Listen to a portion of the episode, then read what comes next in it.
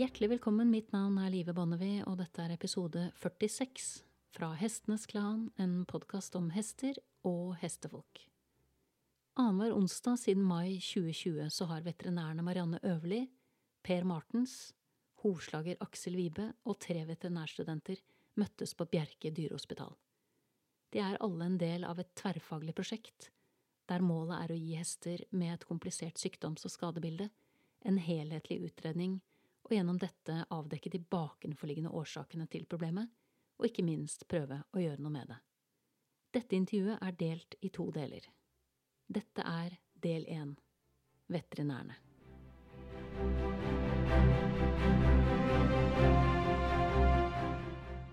Velkommen i studio, Per. Jo, tusen takk. Gleden er på min side, som det heter. Ja. Ehm, Jeg skal snakke med deg i dag om et tverrfaglig prosjekt på Bjerke.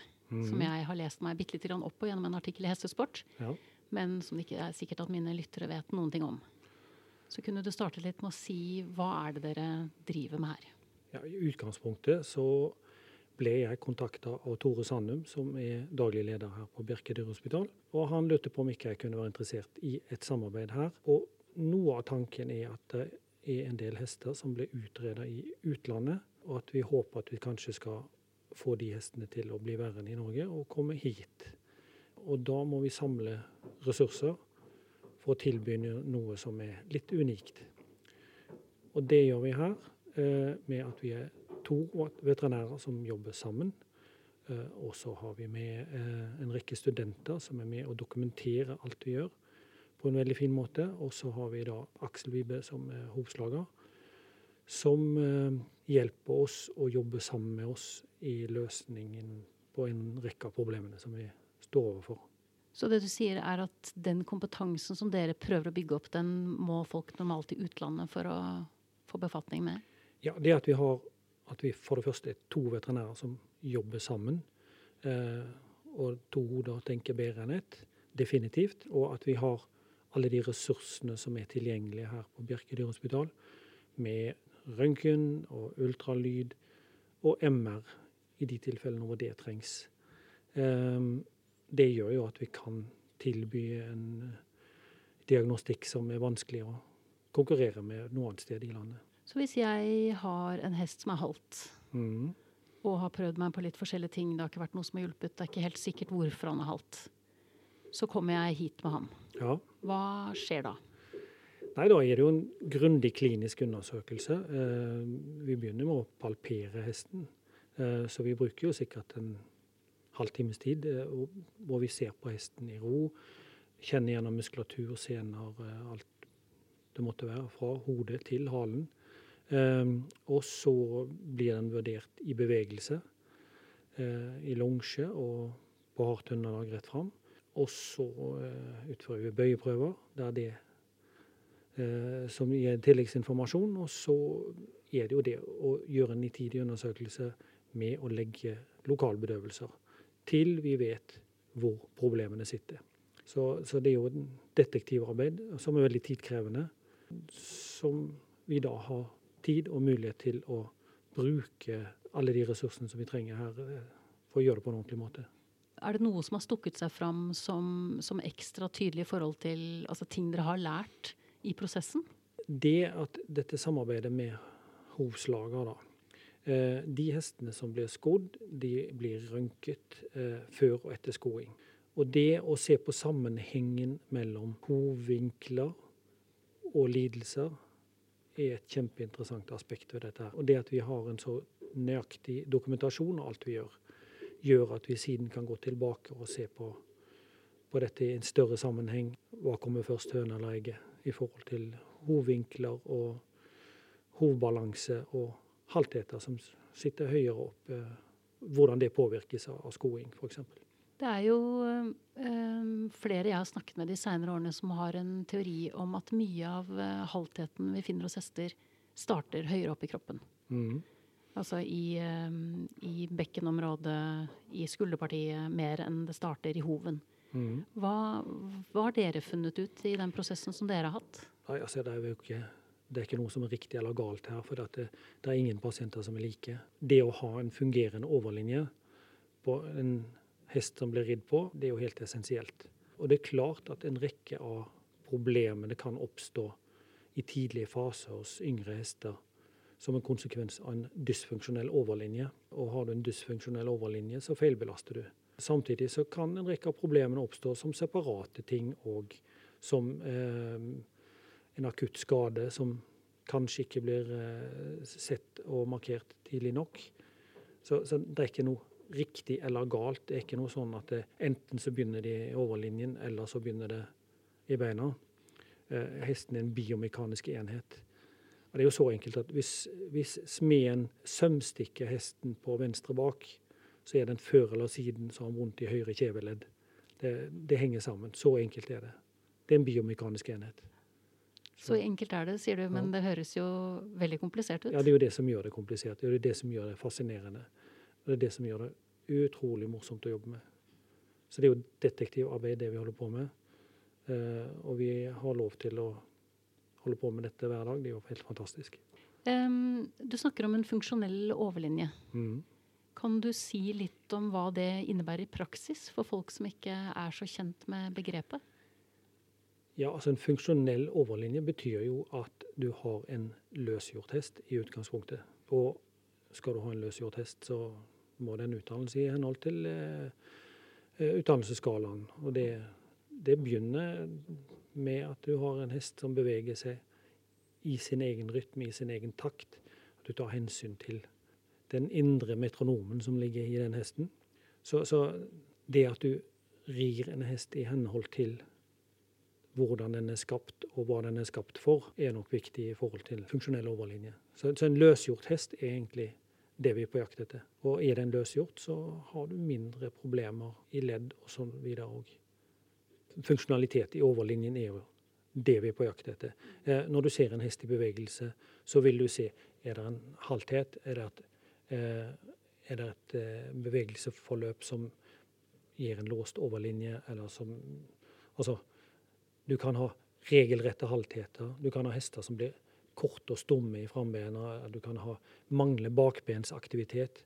Eh, det er så mange faktorer som vi er opptatt av å prøve å finne ut av. Så, så det, er ikke, det, er liksom ikke bare å sette en eh, sensor på ryggen og tro at du kan finne ut av Som du gjør på en bil, hvor du plugger den inn i en stikkontakt og, og kan lese av hva som er galt. Du må bruke alle sansene du har. Og, og så får du en total vurdering etterpå. Eh, du har palpasjonsfunn, du har eh, hevelse i noen ledd, du har eh, haltheter eller ikke haltheter, du har vondt i ryggen eller ikke vondt i ryggen. Altså, det er jo en pakke av informasjon som skal gi oss en løsning på problemet. Det høres jo eh, fantastisk fascinerende ut, og så er det så morsomt å høre på deg når du snakker, fordi det er så mye lidenskap for faget. Ja, men det er jo det. Altså, og det er jo det som er morsomt med å jobbe her igjen. At det, når uh, flere veterinærer jobber sammen som er like nerdete på dette her, så, så blir det jo gøy. Kan du gi noen eksempler på, på kasus som dere har hatt eh, inne som eh, du har festa deg ved, enten som en spesiell suksesshistorie eller, eller som et ekstra interessant detektivarbeid?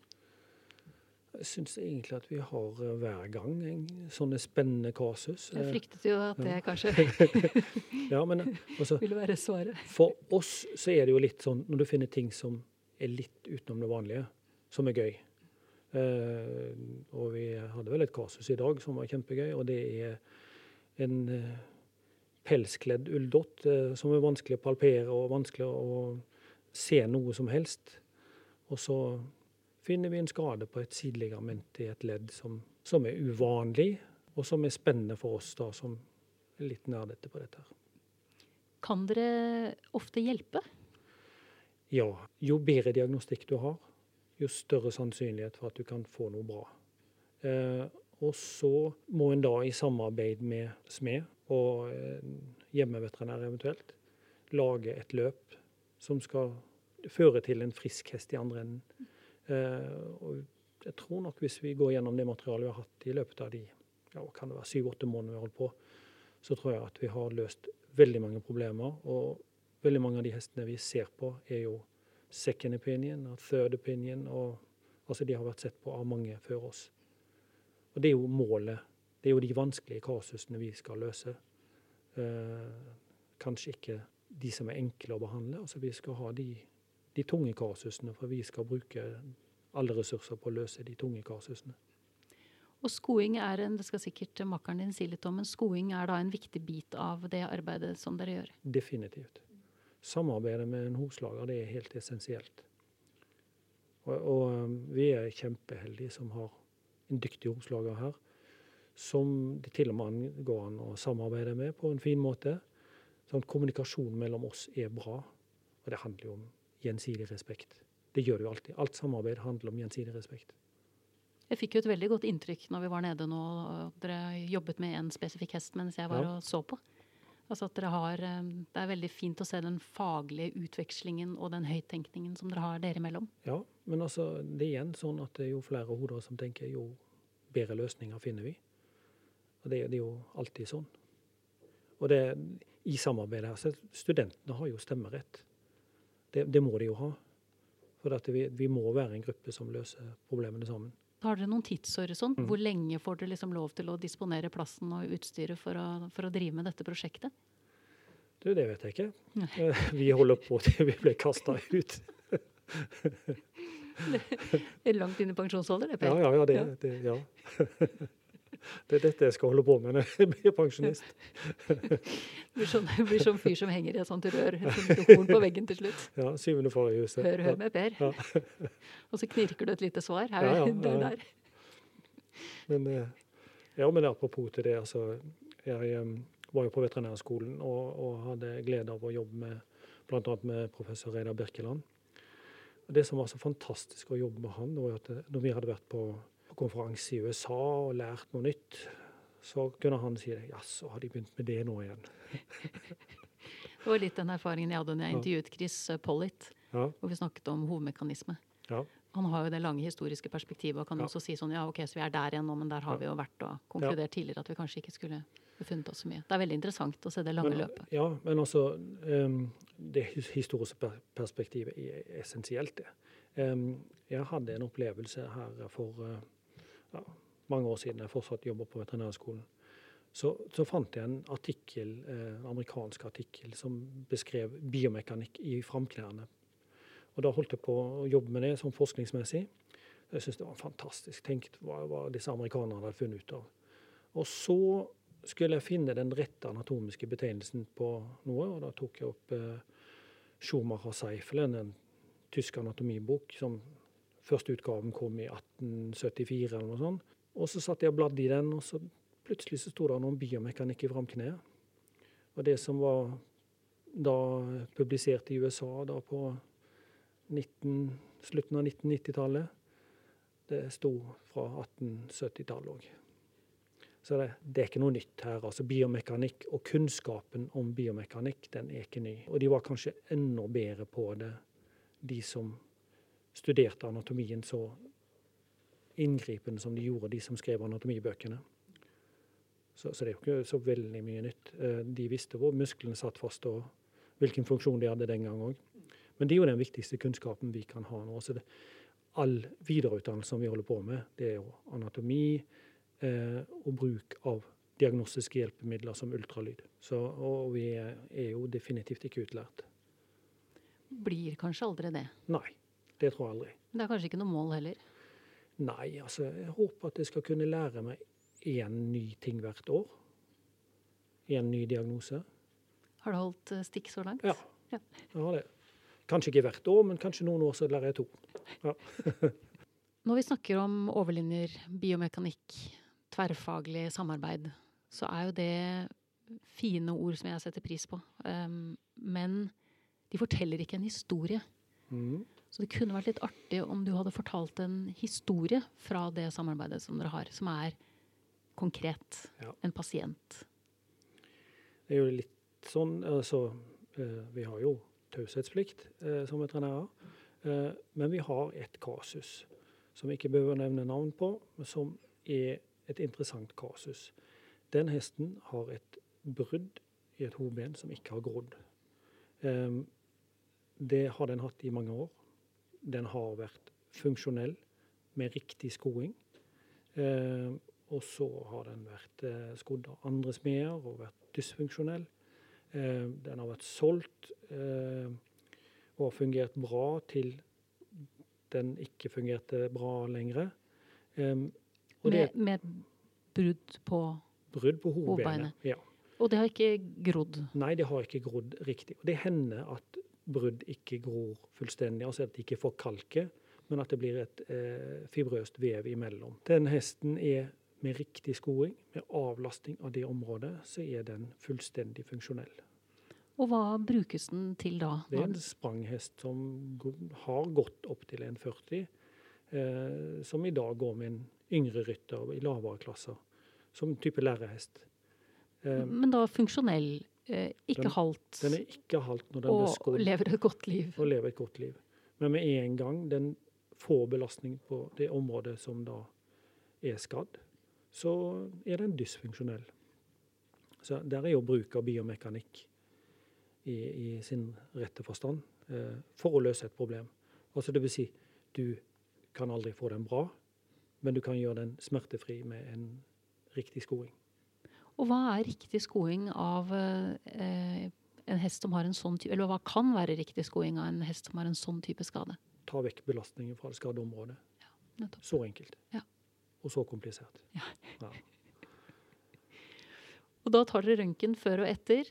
Ja, det blir gjort på alle hestene her. Eh, og det er jo kanskje litt råflott, men samtidig så gir det så mye ekstra informasjon, og så mye informasjon som er verdt å ta med seg videre. Så, så for oss i det samarbeidsprosjektet så er det gull verdt å ha all den informasjonen som vi kan ta ut i ettertid. Um, og for hesteeieren er det jo en trygghet. Men alle de hestene som blir skodd her inne, som blir tatt røntgen av før og etter skoing, de skal jo tilbake til sin vanlige smed. Så dette er jo bare et hjelpemiddel på veien. Hvordan er den vekslingssiden når dere har funnet eh, løsningen for hvordan den hesten eh, kan skos og være en operativ spranghest med et eh, brukket hodebein, som høres jo helt absurd ut. Ja, Uh, hvordan klarer dere da å på en måte få formidlet ut i felten hva altså, som skal gjøres for å vi, sikre at hesten holder seg frisk? Vi fordeler jo ansvaret her. Altså, stort sett så er det smeden som kommuniserer med smedene, selv om vi gjør det som veterinærer iblant òg. Det avhenger av hvem som kjenner hvem litt, og hvilken kommunikasjon vi har.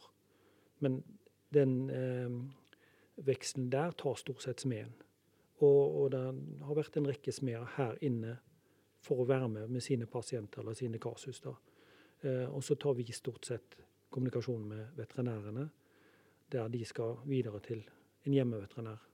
Så hvis jeg er bosatt i Narvik ja. Og vil ha denne hesten for enhver pris, noe man jo veldig ofte vil når man er hesteeier og den skal ha det bra for enhver pris, ja. så kjører jeg til Oslo. Dere finner ut hvordan det skal gjøres, og så snakker dere med min lokale veterinær og min lokale hovslager, og så kan hesten holdes frisk i Narvik. Ja. Dette er ikke verst, Per. Dette kan jeg like.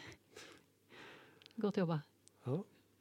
Jeg lurte på om jeg avslutningsvis kunne få lov å stille deg det spørsmålet som jeg stiller alle mine gjester. Og det er hva du har lært eller observert i løpet av din lange karriere som hestepraktiserende veterinær, som du syns er viktig at folk som driver med hest, vet. Ja, altså, Nå er jeg mest opptatt av ridehester. Det er jo det som ligger mitt hjerte nærmest. Um, og jeg er opptatt av at vi fleste som rir, vi er amatører. Og vi gjør en rekke feil. Um, og vår egen utilstrekkelighet kan medføre frustrasjon. Uh, og den frustrasjonen kan i noen tilfeller bli tatt ut i en negativ henseende på hesten. Eh, på Strømsholm, i det gamle ridehuset, så står det eh, noen bevingende ord på veggen. Og det er 'Nær konsten tar slut, tar voldet vid'. Og alle som rir, har mista temperamentet sitt og blitt sint på en hest som er helt uskyldig. For det er vår egen utilstrekkelighet som har eh, forårsaka problemene. Så hvis vi alle kunne tenkt på at når nærkunsten tar slutt, tar voldet vid, så hadde vi blitt et rikere hesteland, tror jeg. Tusen hjertelig takk for uh, praten, Per. I like måte. Jeg har satt stor pris på det. Ja, takk. Da er det tid for å hente inn og ta en prat med det andre veterinærhodet som er involvert i dette prosjektet. Marianne Øverli er beskjeden og jeg må overtale, for ikke si tvinge henne, til å stille et intervju. Men hennes rolle i prosjektet er så sentral at jeg ikke ville gjort jobben min som podkaster hvis jeg lot henne slippe unna. En ting er at både Per og Aksel er krystallklare på at det er hun som er selve navet i prosjektet. En annen ting er at hun representerer den nye generasjonen veterinærer som Svein Bakke snakket varmt om i episode 25, de som tenker nytt og helhetlig, på en måte som vil komme hestene til gode. Marianne Øverli, velkommen til deg. Tusen takk. Du er eh, rett og slett eh, initiativtakeren bak dette tverrfaglige prosjektet på Bjerke. Ja, jeg, jeg veit ikke om vi kan kalle det det, men jeg har i hvert fall hatt et ønske om at vi skulle få det til. Og hvordan grep du tak i dette ønsket om å få det til? Nei, Jeg kjente Per litt fra før, fra jeg hadde hest. Eh, når jeg var yngre, så brukte jeg Per som veterinær. Og jeg syns det hadde vært gøy hvis vi kunne ha fått den hit på hospitalet for å være med. Også fordi at jeg tror det er nyttig for han å komme litt inn på hospitalet og ha kollegaer å jobbe sammen med. Og jeg føler meg veldig privilegert som jobber her, sammen med mange og har en arbeidsplass å gå til. Og her er vi masse veterinærer som lærer av hverandre. Og jeg skulle ønske at flere hadde den muligheten i Norge, da. Hva slags jobb er det du har eh, her? Jeg jobber på Bjerke som klinikkveterinær, og jeg har jobba her nå i litt over fire år. Så her jobber, har jeg en vanlig stilling på dagtid, hvor jeg jobber mest med halvtidsproblematikk på ridehest. Og så har jeg også en del av vaktordninga, da, fordi vi er åpne 24-7. Det jeg syns er interessant med deg, Marianne, var at noe av det første Per Marten sa til meg om deg, det var at du er fremtiden. Ja, det er hyggelig, da. Ja, Det er klart at noen må komme etter når de begynner å bli gamle. det er veldig viktig. Ja, det er det. Eh, hva tenker du rundt eh, For dette å tenke tverrfaglig sånn som dere har eh, gjort her, Mm. tenker jeg er et så utrolig viktig steg i forhold til å opparbeide mer kompetanse. Eh, hva er dine tanker rundt hva du ønsker at dere skal få ut av dette samarbeidet? Nei, det er jo absolutt det med skadeforebygging også som er det viktige for oss her, og det at vi kan holde hestene friske over tid. Og det var litt av bakgrunnen også for at jeg blei veterinær, og har drevet med hest i mange år sjøl, og kunne tenkt meg på en måte å ha et bedre samarbeid mellom smed og veterinær, og ha en veterinær som på en måte kan en del om ridning og hestehold generelt, da. Så det var det å prøve å koble det her sammen til at, eh, at vi kunne gi hestene best mulig forutsetninger da, til å holde seg friske over tid. Og jeg syns som rytter sjøl så erfarte jeg altfor ofte at det var jeg, jeg følte det var mer som brannslukking eh, når hester ble behandla, og at det var for seint. Vi var for seint ute. Eh, og som veterinær så var på en måte mitt mål å være en som kunne være med tidligere og prøve å unngå at de ble halte, i stedet for å behandle dem når de allerede var det. Det er som musikk i mine ører, vet du. Ja. Det er, men det er så fint å høre. For det er jo der vi ønsker å være. Mm. At hesten ikke skal få Mm. halteter eller trøbbel som følge av bruken vår. Da. Og så klart, av og til så blir hestene halte, og sånn er det. Men da er det noe med at her så kan vi gå liksom litt grundigere inn i det, og prøve å finne ut hva var det som gjorde at den blei halt, og er det noe vi kan gjøre noe med. Og det fins akutte skader som på en måte ingen kunne ha forutsett, og traumer i luftegård eller Men veldig mye av de belastningsskadene som vi jobber med hos ridehest, det er skader som, som kanskje kunne vært forebygd. da. Og hvis de først har oppstått, så kanskje kan vi bidra til å, at, å unngå at det skjer igjen. da. Dette samarbeidet som dere har fått til her mellom hovslager og veterinær, jeg bare merket meg gjennom den tiden jeg har drevet med hest, at det er ikke alltid de to fagfunksjonene eh, samarbeider så godt. Nei. Nei, det har ikke vært det. Det har kanskje vært litt dårlig tradisjon. Ja, Og det er det- mitt inntrykk òg. Men det tror jeg og håper og føler egentlig at det er på vei til å snu litt. Eh, Og i hvert fall nå så snakker jeg med smeder daglig, og kanskje flere. Og jeg er veldig opptatt av at vi skal ha et godt samarbeid. da. Sånn at jeg føler at det bedrer seg hele veien, egentlig. Så når du uh, tok initiativet til um, det prosjektet som dere har her, så var Per Martens uh, et åpenbart valg for deg.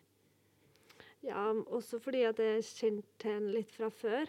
Eh, og og veit at han er en dyktig kliniker og har en stor forståelse for på en måte måten hesten beveger seg på. Um, og for meg så, så hadde jeg lyst til å lære av mange. Uh, og du kan plukke opp noe fra alle. Sånn at jeg syns det var viktig å, å, bli kjent med alle som kunne litt om hest, og, og lære av dem. da. Og hvordan gikk du fram, fram for å velge hovslager? Nei, Aksel har også vært litt her inne tidligere, så han kjenner jeg også godt fra før og, og samarbeider godt med. Eh, sånn at eh, han var på en måte naturlig valg. Da. Han er veldig flink og vant til å lese røntgenbilder. Han er vant til å jobbe med veterinærer. Og så er det òg en veldig stor fordel for oss at han kjenner de fleste smeder rundt omkring. Så det letter kommunikasjonen veldig, da. Og de, mange smeder har jo kommet inn hit også og vært med. Og det, det, da blir du liksom kjent med folk, og det gjør at det blir lettere og bedre det samarbeidet. Hvor mange pasienter, Har du noe tall på hvor mange pasienter dere har behandlet siden dere startet opp? Nei, det har jeg ikke, men, men vi har sånn eh, mellom fem og åtte per dag, da. Halvtetta som vi ser på da daglig. Er det, er det, sånn at dere gjør dette hver dag, eller er det dere, Nei, det, det er én gang hver 14. dag, da. Mm. Så da ser vi fem til åtte stykker, vil jeg anta, ja, de dagene. Mm. Er det mye lokale hester, eller er det også hester som kommer langveis fra? Nei, det er mange som kommer langveis fra, og som setter pris på det at vi har smed her, og, og alt utstyr tilgjengelig, ikke minst uh, når de først kjører. Så, så, hvis det er hester som er jobba opp i felt på forhånd, og vi tenker at her kan det være at den her trenger en skikkelsoperasjon i et ledd f.eks., så, så holder vi av tid til dem til dagen etter, sånn at det er en mulighet for å få til det når de først kommer. Eh, sånn at det er jo det som gjør det unikt med å være her, da, når vi har alle på en måte bildediagnostiske verktøy, og også uh, mulighet for å operere dem hvis de trenger det med kirurgen her. da. Sånn at da får de på en måte litt hele pakka på en gang. Det er jo fristende når man sitter overfor en person som deg, og spørre hva, hva skal jeg gjøre hvis jeg merker at det er en liten endring i bevegelsesmønsteret til hesten min, eller at den er halvt. Hva er, liksom, og hva er også din erfaring, hva er folks naturlige vei? Hva gjør, hva gjør de fleste når de er i den situasjonen? Det er litt forskjellig hva folk gjør, da, men sånn i den ideelle situasjonen da, så er det å, å kontakte veterinær så fort som mulig og prøve å finne ut av det. Eh, det er klart Når hester kommer inn hit, og, og det allerede har pågått i kanskje et år eh, før de kommer, så, så, påvirker det prognosen også negativt. Så jo fortere du får utført grundig diagnostikk, eh, og på en måte får en diagnose, jo bedre blir også prognosen, og jo kortere blir rekonvalesenstida. Da. Jo fortere kan du komme deg tilbake på stevna eller det du skal bruke hesten til. Sånn at eh, det å, å, få en diagnose og sørge for at det blir gjort en grundig diagnostikk, det er viktig, da. Så heller enn å sitte og gjette litt på hva det kan være, og prøve litt sånn halvveis det ene og det andre? Ja, og det er klart hvis hesten er akutt halvt en dag, så går det an å se han litt. Eller, men hvis du merker at her er det et eller annet som ikke stemmer, eh, så i stedet for å bare forsøke å behandle et ledd, eller så, så hadde jeg heller gjort grundig diagnostikk, da. Og da må hesten bedøves ut, så haltheten må lokaliseres og deretter gå videre med bildediagnostikk av det området. da, Sånn at du kan få en så spesifikk diagnose som mulig. Eh, og Da får du mer målretta behandling, og prognosen blir vesentlig bedre. Jeg tror nok at jeg har sett eksempler på at man øh, velger en litt mindre sikker diagnostikk på en skade. Mm. Og så prøver man diverse remedier eller diverse løsninger. Jeg har vel vært der selv med min egen hest. Mm. Mm. Istedenfor, som du sier, å, å, finne ut hva faktisk er roten til dette problemet. Men gjette litt og, så, og plastre litt, da. Ja, og det, det, opplever jeg at mange gjør. Og mange har litt terskel for å gå til den grundige diagnostikkbiten. Kanskje også litt redsel for hva en skal finne. Eh, men det er bedre å finne ut av det. Jo fortere, jo bedre for å få dem tilbake i sporten. Eh, men også Jeg tror jeg opplever at folk kan være litt redd for det. For de er redd for hva vi skal finne, og de har gjerne prøvd å ringe alternative behandlere eller prøve andre ting først. Da. Og det opplever jeg også som jeg jobber en del med kiropraktikk. At uh, at jeg får en time der folk bestiller en time til kiropraktikk, og, og så mønstrer vi hesten først, og så er en halvt. Og det en trenger da, er en haltetsundersøkelse, og på en måte ikke den kiropraktikktimen der og da, da. Dette husker jeg var et tema i Hestepraktiserende veterinærers forening for flere år siden. Det har sikkert vært det flere ganger. Mm. Men da husker jeg at jeg merket meg det at det var ganske interessante tall på hvor mange Mm. som velger Mm. å gå til noe alternativt først. Ja, og det opplever jeg også, at da ringer de meg og, og vil at jeg skal komme og gjøre kiropraktikk. Og jeg tror terskelen for å gjøre det er mye lavere. Fordi som, da kan jeg ikke finne noe som tilsier at den har en dårlig prognose, eller at det her blir langvarig hvile, da. Um, men, men da syns jeg det er min plikt å si på en måte at hesten er halvt, og jeg anbefaler at den utredes for det, da. Er det kostbart? Kan det være en ting som holder folk igjen? Det er klart, jo mer diagnostikk vi gjør, jo mer kostbart blir det. Men det som vi ser her gjentatte ganger, da, det er at det kan bli dyrere akkurat den dagen.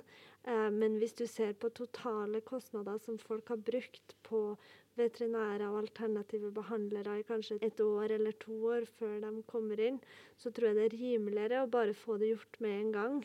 Eh, og ikke minst tida du sparer på det. Mm, Og hestens velferd i den perioden det absolutt. pågår? Og det å slippe så mange oppturer og nedturer hvor du tenker at nå er en frisk, og så begynner du å ri igjen, og så blir den halvt. Eh, og så behandler du igjen, og så du, bruker du lang tid på opptreninga, og så blir den halvt igjen. Eh, så det å heller komme til en diagnose fort, det vil lette veldig, da. Men så, så er det dem jeg ikke kjenner, eller som Det er frustrerende som veterinær, da. Når du føler at de burde ha kommet litt før, så hadde prognosen vært bedre. Er det sånn at du erfarer at eh, når folk har hatt erfaring med den måten som dere jobber på her, at de da håndterer en ny halthet hos hesten sin eller hos, hos en ny hest på en annen måte enn de ville gjort før? Altså at de raskere tenker at eh, det er viktig å få stilt den diagnosen tidlig, sånn at behandlingen blir presis? Ja, det opplever jeg hos mange, eh, der vi får en veldig god dialog. Og vi kjenner hestene, og de vet at, at de har oss der i bakhånd, på en måte. Så de kontakter oss veldig raskt eh, hvis det skal være noe igjen. Og det gjør at vi på en måte fanger opp ting tidlig, da. Så er det jo også det å følge opp hestene med en helsesjekk innimellom. Sånn at vi får fanga opp veldig tidlig, da, hvis det er noe. Ja. Mm. Så hesten kommer hit før den egentlig har noen symptomer, og så får den en undersøkelse, sånn at man har liksom litt, hva skal jeg si, vet litt hva som befinner seg under panseret? Ja, det er kanskje ikke akkurat for det prosjektet her, da, men mer sånn på generell basis så er jo det veldig nyttig å gjøre, da. Eh, sånn at de bør ikke bli så veldig halte, egentlig, før en går til veterinæren. Avslutningsvis eh, så har jeg dette det spørsmålet som jeg pleier å stille, som jeg nesten føler at du allerede har svart på, Marianne. Altså hva du har erfart som du syns er viktig at alle hestefolket vet. Men det høres ut som om et av punktene, og det er et veldig godt punkt, syns jeg, er jo å få en tidlig utredning i Ja. forbindelse med halthet eller skade på hest. Ja, absolutt. Jeg er opptatt av god diagnostikk, og at du skal få en diagnose. Men også det for, for å holde dem friske og, og trene variert. Samme om det er en dressurhest eller hva du har, så, så prøv å trene litt variert. Tusen hjertelig takk for uh, dette innblikket i hvordan dere jobber. Og all mulig lykke til videre med prosjektet. Jeg håper at dere, at dere kommer til å fortsette. For det er jo veldig viktig å ha prosjekter hvor For det handler jo også om at, vi, at det blir et slags uh, I min bransje kaller man det fort et paper trail, men at, altså at det blir liggende dokumentasjon bak dere som, som um, kan komme til å utgjøre en forskjell for hvordan man tenker rundt en del skader på hest. Da. Ja, det håper vi på. Ja, vi satser på det. Takk skal du ha. Takk skal du ha. Skal man lykkes med et ambisiøst tverrfaglig prosjekt, så er det viktig å ha flere hender på dekk. Og de tre veterinærstudentene Ragnhild Maria Berg, Gina Nakken og Kristine Solberg er viktige brikker i dette puslespillet. Jeg tok en prat med en av dem for å høre hva de gjør, og hvordan de jobber. Ja, Gina Nakken, nå jobber jeg meg gjennom det teamet på Bjerke dyrehospital som har dette tverrfaglige prosjektet gående. Og hvor kommer du inn i bildet? Min rolle er eh, å dokumentere det som blir gjort. Så da tar vi alltid bilder av høver i flere vinkler før eh, og etter skoing, så man ser hva som er endra. Så da har vi røntgenbilder av høver før og etter skoing. Eh, I tillegg til å filme all mønstring som blir gjort av både da eh, Per og Marianne og Aksel.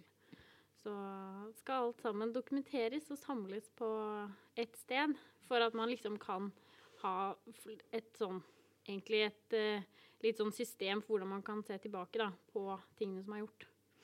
Så det betyr at det ligger på hvert kasus på en måte, så ligger det da en, en mappe hvor alle røntgenbilder er samlet. Ligger dette digitalt i våre dager, eller? Ja, det Ja. gjør det. Vi har en sånn dropbox Ja. som vi, de tre studentene som er med, da, samler alt sammen Mm. eh, på samme sted. Og så skriver vi også ned eh, Marianne og Per skriver jo egen journal for hestene som er her, mens eh, vi skriver på en måte en sånn slags skoingsjournal, da. Så om hva som har blitt gjort der, og planen videre og sånne ting. Ja, nettopp. Så det er veldig lærerikt. Ja, det- Man lærer masse av å være med på. Å få sett det på ordentlig, på en måte. Mm. Det er veldig fint. Ja, for det ville vært mitt neste spørsmål, at det må jo være utrolig lærerikt. Ja, men det er det. Veldig. Og man får liksom eh, Å se det litt i praksis, og se liksom før og etter skoing, på en måte. da, eksempel også veldig med halvtidsutredning med Marianne og Per, med ja, hele gangen i det. Man lærer veldig mye. Så det er veldig fint. Er det mange ganger du, eh, når dere ser på, på måte bilder fra før og etter, og mønstring fra før og etter de tingene dere gjør, er det mange ganger du føler at dere utretter store ting i hestens liv? Ja, men det vil jeg faktisk si absolutt. Og det har overraska meg litt hvor mye små justeringer kan gjøre, på en måte. Og små detaljer kan ha å si for uh, ganske stort utslag. Og man ser det veldig tydelig på hesten da, når den liksom slipper seg ned, traver bedre, blir liksom tydelig mer komfortabel. Så det er veldig gøy. Hvor, da, hvor dukker på en måte gjennomsnittskunden eh, opp fra? Altså har, det, det, har de vært her og undersøkt hesten for et eller annet annet, eh, og så får de dette som et tilbud? Eller hvordan, hvordan får folk tak på denne muligheten, tror du? Eh, det er nok eh, eh, både liksom via å ha vært kunder av Per eller Marianne i på en måte kontakt med dem tidligere, og fått høre om prosjektet, eller at de anbefaler å komme en av disse dagene, så man kan liksom ha et samarbeid med både veterinærer og en smed, og få tatt røntgenbilder og liksom gjort hele vurderingen samme dag. Eh, så jeg tror de kommer fra litt sånn både kanskje hørt om eh, det prosjektet liksom eh, selv, eller om de har fått det litt sånn henvist da, av Marianne eller Per eller Aksel. Når dere samler inn eh, alle disse dataene på disse ulike kasusene som dere har inne, hva er tanken at dere skal kunne bruke dem til på sikt? Målet er vel etter hvert å kunne publisere noe om eh, litt sånn resultat man har fått via eh, det prosjektet, da, når det har gått over litt lengre tid, og man har kunnet følge hestene over litt lengre tid, og se liksom hvilken på en måte utvikling de har hatt av, de, eh, av det samarbeidet, egentlig. Eh, så, og det å på en måte ta med studenter har vært litt for at vi kan skrive en fordypningsoppgave etter hvert, basert på det materialet. Så det blir jo ikke for meg siden jeg er ferdig til sommeren. Men eh, senere studenter håper jeg vil eh, ta det som en fordypningsoppgave, da. For eh, det er veldig lærerikt. Takk for at du fylte inn noen, noen biter i dette puslespillet som utgjør det tverrfaglige samarbeidet på Bjerke. Bare hyggelig. Kjempefint. Takk skal du ha. I like måte. Du har nettopp hørt episode 46 fra Hestenes Klan, en podkast om hester og hestefolk. Del to av dette intervjuet kommer i neste uke, og da møter du hovslageren Aksel Vibe. Da gjenstår det bare for meg å takke mine gjester Per Martens og Marianne Øverli og Gina Nakken, og min faste komponist Fredrik Blom, og sist, men ikke minst vil jeg takke deg, kjære lytter, for tålmodigheten. Måtte hesten for alltid være med deg.